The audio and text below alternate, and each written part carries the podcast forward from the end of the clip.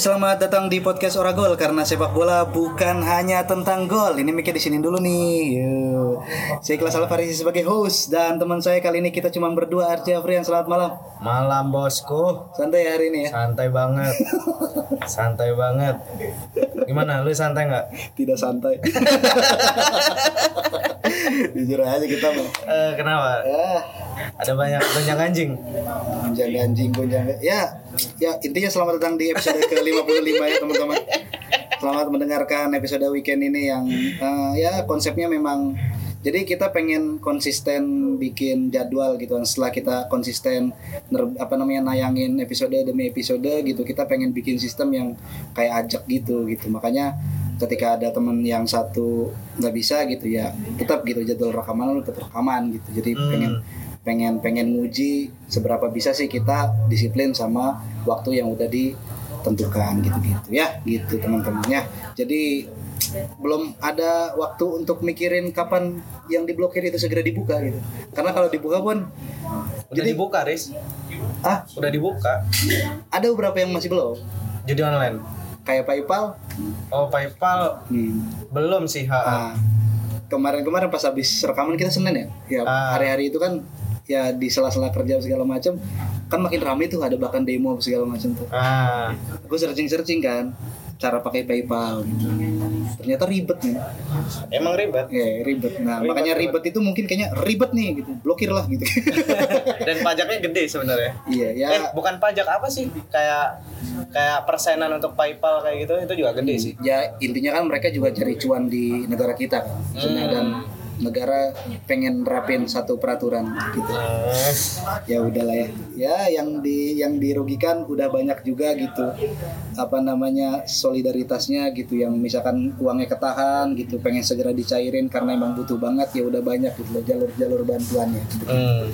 ya gitulah teman-teman makanya kemarin aku bikin story tuh karena emang ada beberapa teman-temanku juga yang memang terdampak gitu kan Ah, dan, apa story, Bu? storynya Rian Adriandi Rian Adriano. Adriandi Oh ya apa tuh? kau nggak ngeliat storyku Enggak. ya itu jadi apa namanya dia punya jalur lain buat teman-teman dia kan freelancer juga Oh, dia kan animator yang Dia- yang oh aku tahu tahu. Itu kayaknya viral di Twitter deh. Yang eh Instagram atau Twitter gitu yang bilang kalau kalian emang terdampak dan menggunakan PayPal eh, ayo eh, di komen nanti kita bikin apa Iya gitu. kenalan siapa Kenalan. namanya terus ininya Bikin alternatif. apa dia alternatif karena ya Bang Rian aku nyebutnya Bang Rian kan karena idola apa namanya dia play apa namanya animator dan beker, punya punya punya relasi kuat juga sebagai animator tuh ke Hollywood ke Disneyland Oh, gitu gitu oke oke. gitu gitulah ya jadi ya kita belum Jago aja Bang Jago. ya kita belum relate yang kayak gitu kayak gitu. Bang Jago, Bang Jago. kerjaan kita tiba-tiba ada yang hire dari luar negeri gitu. Kan subhanallah sekali. Bisa nggak gini? Wah bisa gitu. Dari Afghanistan, waduh suruh ngapain tuh? Perang. ya gitu Eh sebenarnya episode ini buka apa namanya nggak nggak di konsep se- untuk bahas update tapi ada update yang cukup menyedihkan ya karena lagi-lagi terjadi ya kita kehilangan seorang fans bola gitu kan karena rivalitas antar tim gitu kan membuat keduanya baku pukul dan kekerasan menjadi solusi antar apa persaingan mereka sehingga ya ada salah satu yang harus gugur seperti itu. Hmm. Mas Fajar Tri almarhum in peace. Tri Fajar Firmansyah dia, Ya. anak ketiga. Ya. Kenapa aku tahu? Ya. Karena ada trinya. Hmm. aku, aku nggak update, aku nggak update berita-berita kayak gitu karena nggak diperbolehin kan berita-berita kayak gitu kan. Kenapa emang? Hah? Kenapa emang? Ya bukan bukan tema medianya, iya. Oh, bukan tema oke. medianya. Jadi spesifik dan apa namanya nggak tahu ya mungkin karena spesifik jadi Dan sensitif sebenarnya, gitu. ya sensitif atau enggak kan kalau kalau apa namanya tema medianya semuanya diraup mah Ambil aja, ambil gitu. aja yang penting deadline selesai gitu. Yang Karena penting ada konten. eh, karena eh, karena mungkin karena sensitivitas itu ya. Polisi pas konferensi pers kemarin tuh juga nggak bilang oh ini gara-gara keributan antar supporter kok enggak? gitu. Karena cuman eh, si korban itu mengacungkan senjata ke orang yang lewat dan lalu dikejar kayak gitu. Iya, iya. dan itu kan eh, aku sama beberapa temen reporter gitu kan tapi bukan dari media aku gitu kan. Kan kita ada jaringan gitu. Kok ambigu ya? Kenapa cuman misal kalau dari kata polisi ngacungin senjata tiba-tiba dikejar gitu. Apa masalahnya gitu? Ya pas ya bukan pasti tapi kemungkinan kan ya ini gara-gara emang ribut antar supporter gitu tanggal 25 Juli kemarin gitu Tetap kan. apa namanya apa pun alasannya gitu kan kekerasan tidak boleh dijadikan sebagai solusi gitu kan. Ya ya itulah yang harus didoktrinkan gitu. Kalau misalnya ada satu orang random gitu kan pengen masuk jadi fanbase masuk ke fanbase gitu kan Hmm, sila pertama yang harus didoktrinkan itu eh. berani apa pun alasannya kekerasan tidak boleh dijadikan solusi itu kalau benter mah boleh gitu kan tapi, Tapi kan ada banyak kayak misal Gali, Preman yang masuk ke komunitas supporter ya. ya itu karena pre- masa. preman juga harus didoktrin apa pun alasannya kekerasan yo gelut yo gitu. nggak gitu ya gitulah ya Apa diskusi itu? Bukan budaya kita. mudah-mudahan ya kan ini amok kan amok gitu amok. Eh, amok. Jadi orang Belanda nih ngapain kalian rame-rame? Kami ngamok gitu. amok. Amok gitu. Amok masa. Amok. Hmm, sulit gitu. Ya gitu ya. Ya aku pengen bersikap tapi takut lah ada Mas Alif didengerin sama Mas Alif nanti dia ini. Oke eh, lanjut aja karena hmm, ini direkam menjelang weekend ya. Eh, nanti weekend ini ya akan terasa berbeda karena sepak bola akan kembali lagi gitu terutama sepak bola eh, lima liga teratas di dunia ya di Eropa Hmm. Nah, jadi akhir minggu ini ada Liga Inggris, da, Liga Inggris, Liga Prancis dan Bundesliga yang mulai. Nah, sementara minggu depannya eh, ada Liga Serie A Hmm. dan juga La Liga. Kenapa La Liga mulainya lambat? Karena verifikasi keuangan. ini ya kita belum dapat kabar nih Frankie De Jong tuh bisa didaftarin apa enggak. Barcelona yang jor-joran belanja-belanja itu belum tahu nih pemain-pemainnya bisa didaftarin apa enggak gitu. Terakhir tuh siapa yang masuk Barca itu? Konde. Anjir ya tahu juga kaget anjir si Yoi. Konde ini loh. Iya, ngeprank Chelsea untuk sekian Iya. kalinya. Harusnya ke Chelsea kan. Iya, iya. Ke Barca.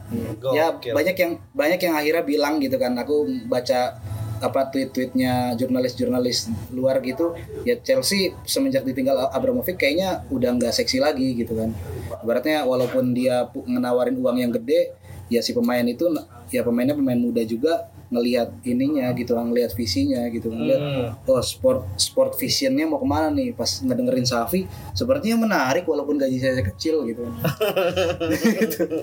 ya oh, ya entah entah karena Safi pinter bacot juga ya Tapi gara-gara apa namanya ini kan berapa 25% hak siarnya Barcelona kan dijual kan? ya ya Iya kan? ya ya nggak usah bahas Barcelona lah update aja, update aja gitu karena kita mau segera masuk ke tema utama jadi eh, episode kali ini khusus untuk bahas tema-tema khusus yang entah itu on this day ataupun tema yang yang sebenarnya ya momentum di luar hari ini gitu. Hmm. di luar hari ini. Nah, kenapa kita bahas kayak gitu ya? Karena emang konsepnya gitu, dengerin aja udah. Enggak, Eh, kita mau bahas Piala Dunia yang pertama kali diadakan di dunia. Ini Piala Dunia Uruguay di tahun 1930. Nah, tadi apa namanya ada briefing nih. Misalnya harus harus dikasih tahu dulu kenapa kemudian tiba-tiba kita bahas Piala Dunia 1930. Kalau alasanku kan ya kayaknya semua anak bola yang coba pengen belajar gitu kan, pengen tahu, pengen dekat lebih tahu lagi lebih luas lagi pengetahuannya terhadap eh, sepak bola itu kayaknya ya pasti ada deh keinginan ke trigger gitu untuk tahu gitu loh Piala Dunia dari tahun ke tahun bahkan dari pertama kali diadakan tuh kayak gimana sih gitu kan itu kayaknya sebagai fans bola ya gitu cuman kebetulannya gitu di hari kita rekaman ini ada ada ada momentum yang Kok eh, cocok cocok gitu. gitu, Kok kan cocok cocok gitu. gitu. Gimana sih gimana sih Jadi eh, hari ini itu FIFA membuka penawaran gitu kepada semua negara yang di naungan FIFA. Eh, siapa nih yang mau jadi tuan rumah dua eh, Piala Dunia 2030 kayak gitu. Lelang, lelang. Lelang eh, ngebit siapa yang mau ngebit gitu, membuka lelang. Yang FIFA membuka lelang siapa yang mau nawar kayak gitu kan. 2002 2022 udah Qatar kayak gitu kan. 2026 udah ada Jadi booking. udah di booking 2026 udah ada di yang ngebooking Amerika eh, Amerika Serikat Meksiko sama siapa satu lagi tuh Kanada Kanada ya. Ya, mungkin gitu. Kuba berarti. nggak mungkin Kuba, Kuba ya dong. kan Sulit. 2030 nah siapa nih FIFA gitu dan di hari pertama ini langsung dua negara dari Concacaf ya eh Conmebol Comenbol. Conmebol itu langsung men- mengajukan diri gitu Eh, Uruguay sama Argentina. Argentina gitu karena eh, dua negara ini kan finalis di Piala Dunia 1930 gitu jadi biar ada 100 tahun nih kenangan gitu Ah. century Iya, gitu. iya, iya.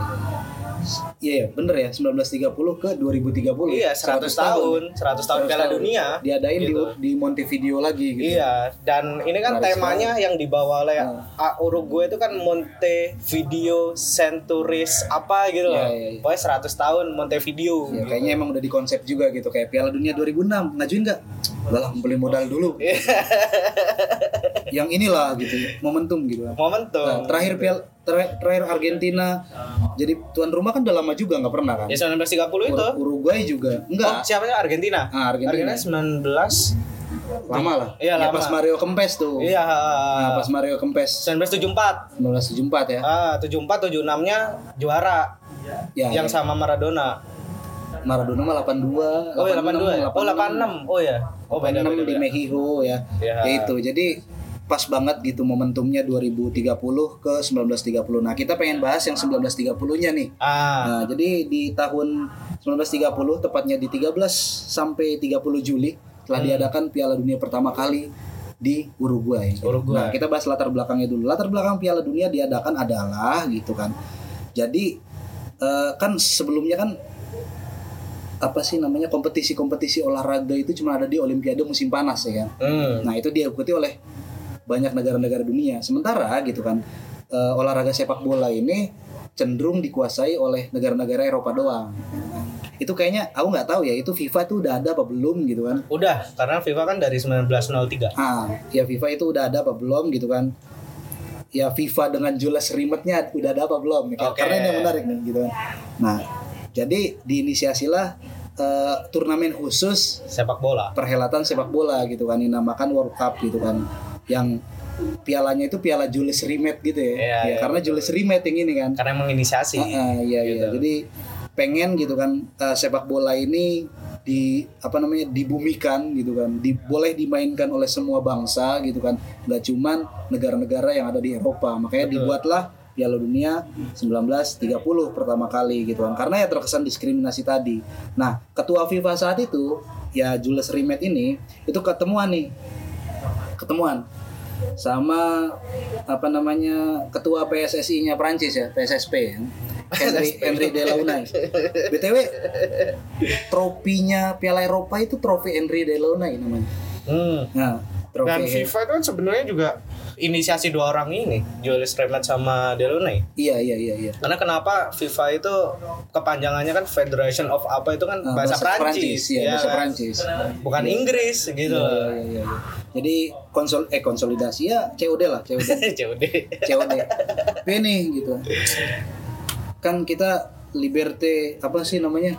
Apa ya? Prancis tuh Liberté. egalite, Egalite. ada gitu-gitu aja lah ya. Ya pengen lah gitu. Ayolah kita ajak gitu kan negara-negara yang yang yang udah main bola juga di negaranya ya kita ajak gitu kita kita undang makanya eh, di Piala Dunia pertama kali ini tidak lewat jalur kualifikasi tapi lewat jalur undangan. Mm-mm. Ya enak banget lah gitu peserta Piala Dunia pertama kali tuh enak lah gitu Dika- dikirim surat gitu. Eh, dikirim undangan. ah. Nah, karena suratnya nyampe nya lama gitu, Eh. itu balas suratnya itu sambil berangkat juga gitu. Eh, berangkat ya, Sekalian. dapat surat, berangkat nih. Eh. Kan nyampe nya lama kan? Eh. Nyampe nya lama, dia juga nyampe nya lama, gitu-gitu lah.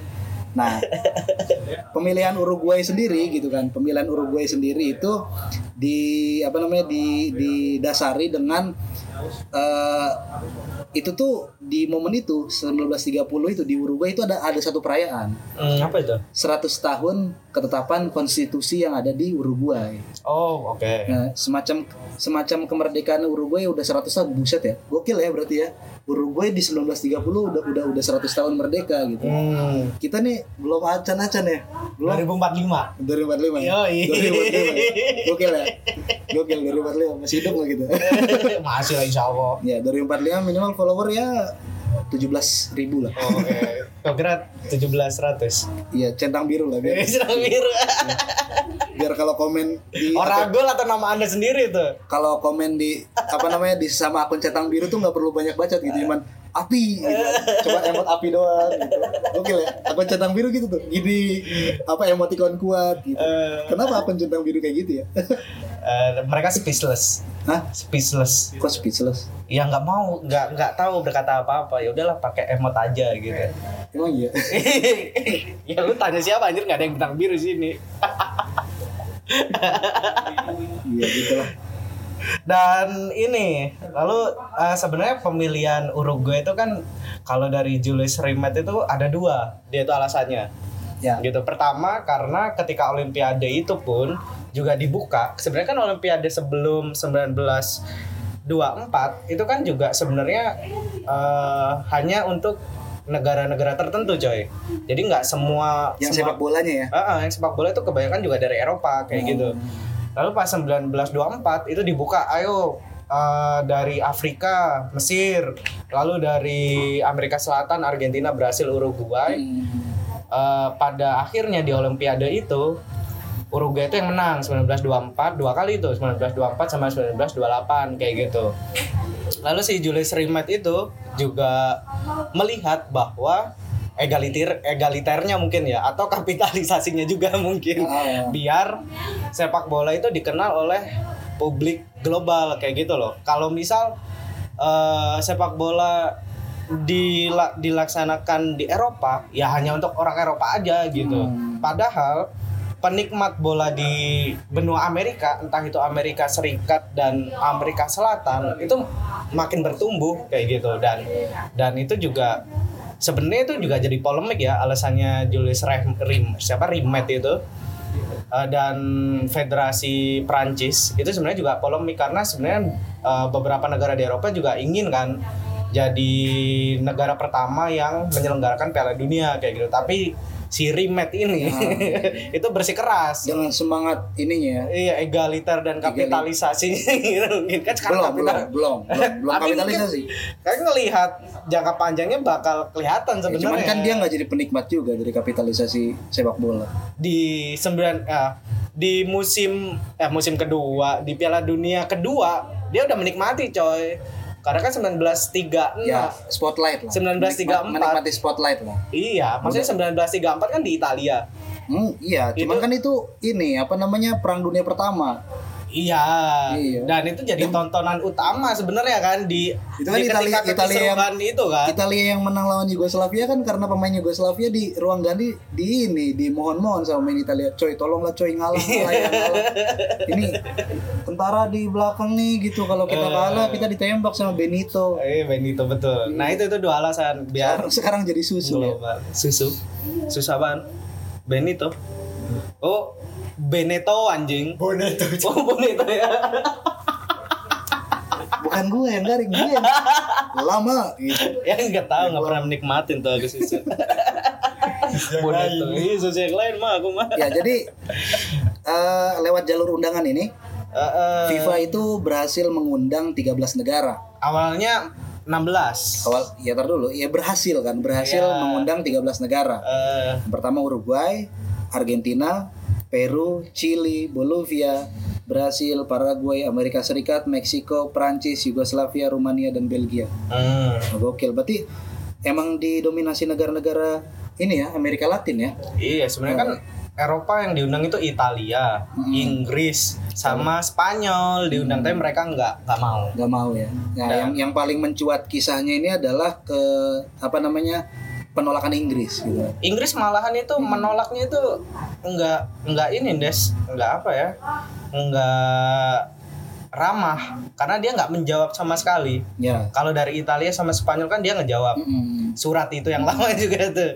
Ya saya tidak mengikuti karena Tidak ikut. Gitu. eh, karena perjalanannya membutuhkan waktu yang lama Oh. dan membutuhkan Iya iya iya. duit yang banyak Iya, gitu. benar-benar. Padahal saat itu juga masa setelah perang dunia pertama kan Iya, gitu iya. kan. Kayak Ya gitu. Spanyol kan negara ini kan negara penjajah negara-negara Amerika Latin kan. Itu datang lagi ke sana nyetor nyawa gitu. Kan. nyetor Ngapain gitu. Nyetor nyawa. Terus kayak apa nih gitu.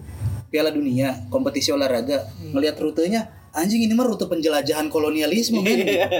Enggak enggak. Enggak, enggak. Itu mungkin alasan Ya, Spanyol. mungkin ya. Tapi kalau alasannya Inggris mungkin gini kan ngelihat apa nih Piala Dunia katanya kompetisi sepak bola dunia kita ngapain gitu kan kita main pakai skill mereka pakai skill Iya, gitu. pakai skill. iya begitu merasa merasa apa apa namanya sepak bola di luar Inggris tuh masih makin main pakai Eh, skill gitu Bolanya juga nggak ada kali bola di Uruguay gitu. nah iya pakai bola apa pakai jerami Iya, iya.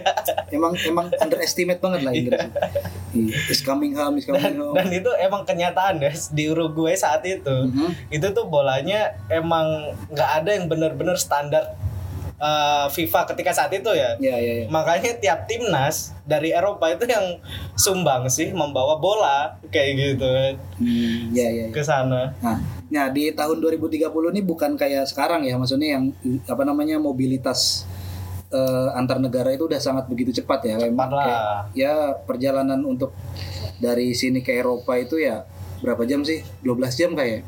12 jam. 12 jam. Ke Qatar dulu. Hari itu ke Scotland berapa jam sih? tahu Nggak peduli. Nggak peduli. Biarin aja. diajak soalnya Nggak diajak ya? Iya. Ya itulah pokoknya. Pokoknya tuh kayak naik Fly Emirates tuh katanya transit dulu di Dubai. Hmm. Habis itu baru naik Baru. Turki Airlines gitu kan. Hmm. Gitu. Kenapa Turki Airlines gak mangkal di GB apa di Gelora Bung apa apa namanya Soekarno Hatta ya? Yang lagi inflasi mungkin. Mungkin pangkalannya nggak mah gitu. Dubai aja gitu. Lebih aja. Iya gitu.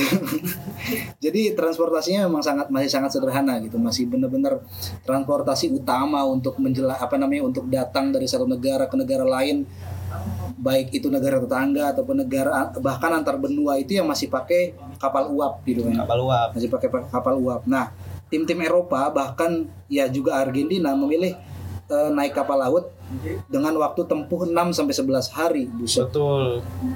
Nah di dalam kapal mereka memanfaatkan berbagai perabot kapal untuk ngegim. Iya bener juga ya. Iya. Kalau perjalanan pesawat kan ya, ya kita nggak sempat ngegim karena perjalanannya juga cepat. Ini kan Nah, kita kayak tinggal gitu loh, kita tinggal sementara di dalam kapal. Aku belum pernah naik kapal sih.